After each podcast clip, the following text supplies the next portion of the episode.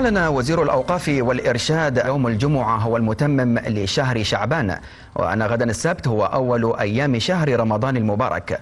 وبهذه المناسبة تتذكر إحساسك المصاحب دائما لهذا الخبر؟ أيوة إحساس الفرحة اللي يخالط شعورك الغريب بأن الوقت من الآن اختلف. الليل نهار والنهار ليل. والعمل الواحد أجر بضعف أجر بقية السنة.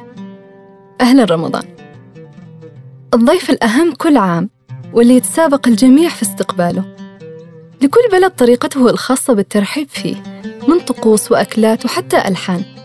ألحان الأناشيد اللي تعبر عما في قلوب المسلمين من حب كبير للشهر الفضيل. لليمن أيضا ألحانها الخاصة اللي توجت كلمات الأشعار اليمنية وجعلتها من أكثر مظاهر الابتهال بقدوم رمضان تفردا.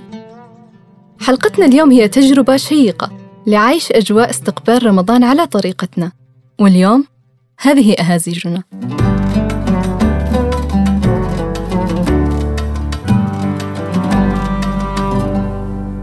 يا رمضان يا أبو الحماحم. أهزوجة أو أنشودة يستقبل فيها اليمنيين رمضان. وبالتحديد الأطفال. والحماحم جمع للحمام كدلالة على السلام اللي يعتبره اليمنيين معنى رمضان الحقيقي. ففي رمضان تختفي كل الأصوات النزاعات والمشادات والصوت الوحيد اللي يعلى هو صوت التكبير. وأصوات ترديد الأطفال لهذه الأبيات كإعلان على أن شهر الصيام أطل وأن جرس التسامح والعفو دق. فيبدأ اليمنيين شهر رمضان بمسح كل الأحقاد من قلوبهم ويبدلوا مكانها مشاعر الترابط والود.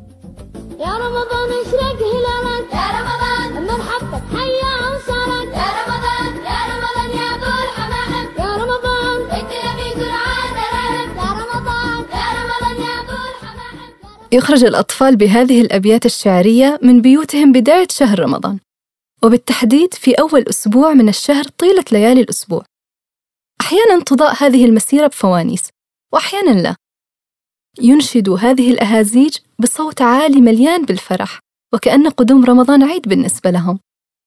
تحتوي هذه الأبيات على أدعية يدعو الأطفال فيها لطلب الخيرات من شهر الخير لهم ولأهاليهم.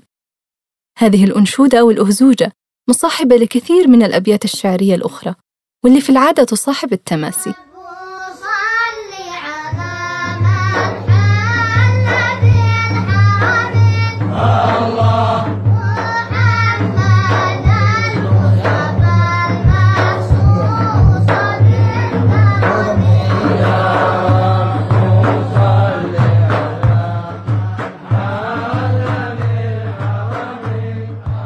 التماسي والمأخوذ معناها من كلمة المساء أو الليل.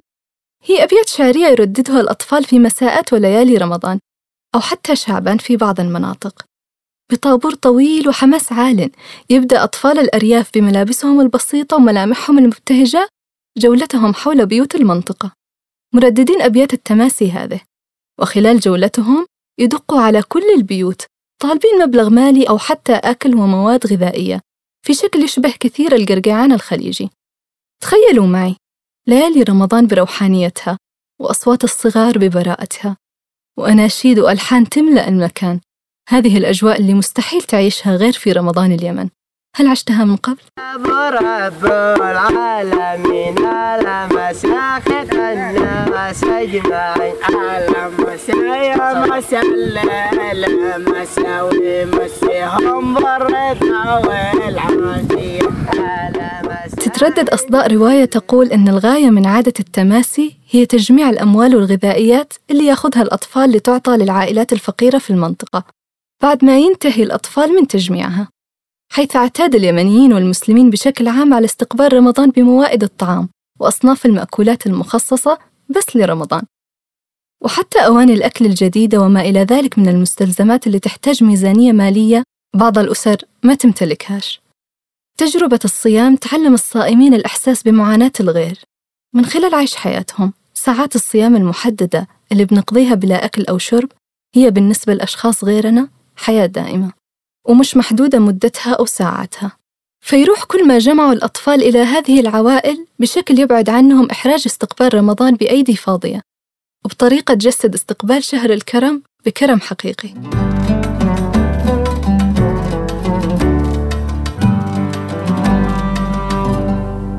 اليوم خفتت أصوات أطفالنا ورجعنا بالنادر نسمع أصوات الأهازيج والتماسي وسط ضجيج المدن.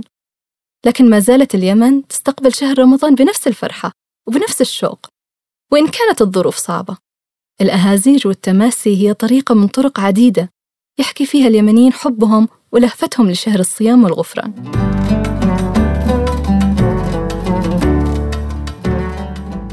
سؤالنا لحلقة اليوم إيش معنى كلمة الحماحم؟ شاركونا إجاباتكم على صفحتنا في الفيسبوك عشان تربحوا جائزة السؤال. وما تنسوش تتابعونا على صفحاتنا في بقية منصات التواصل الاجتماعي. والحلقة ثانية والأجواء وعادات وأطباق رمضانية جديدة. لنا لقاء قريب. سلام.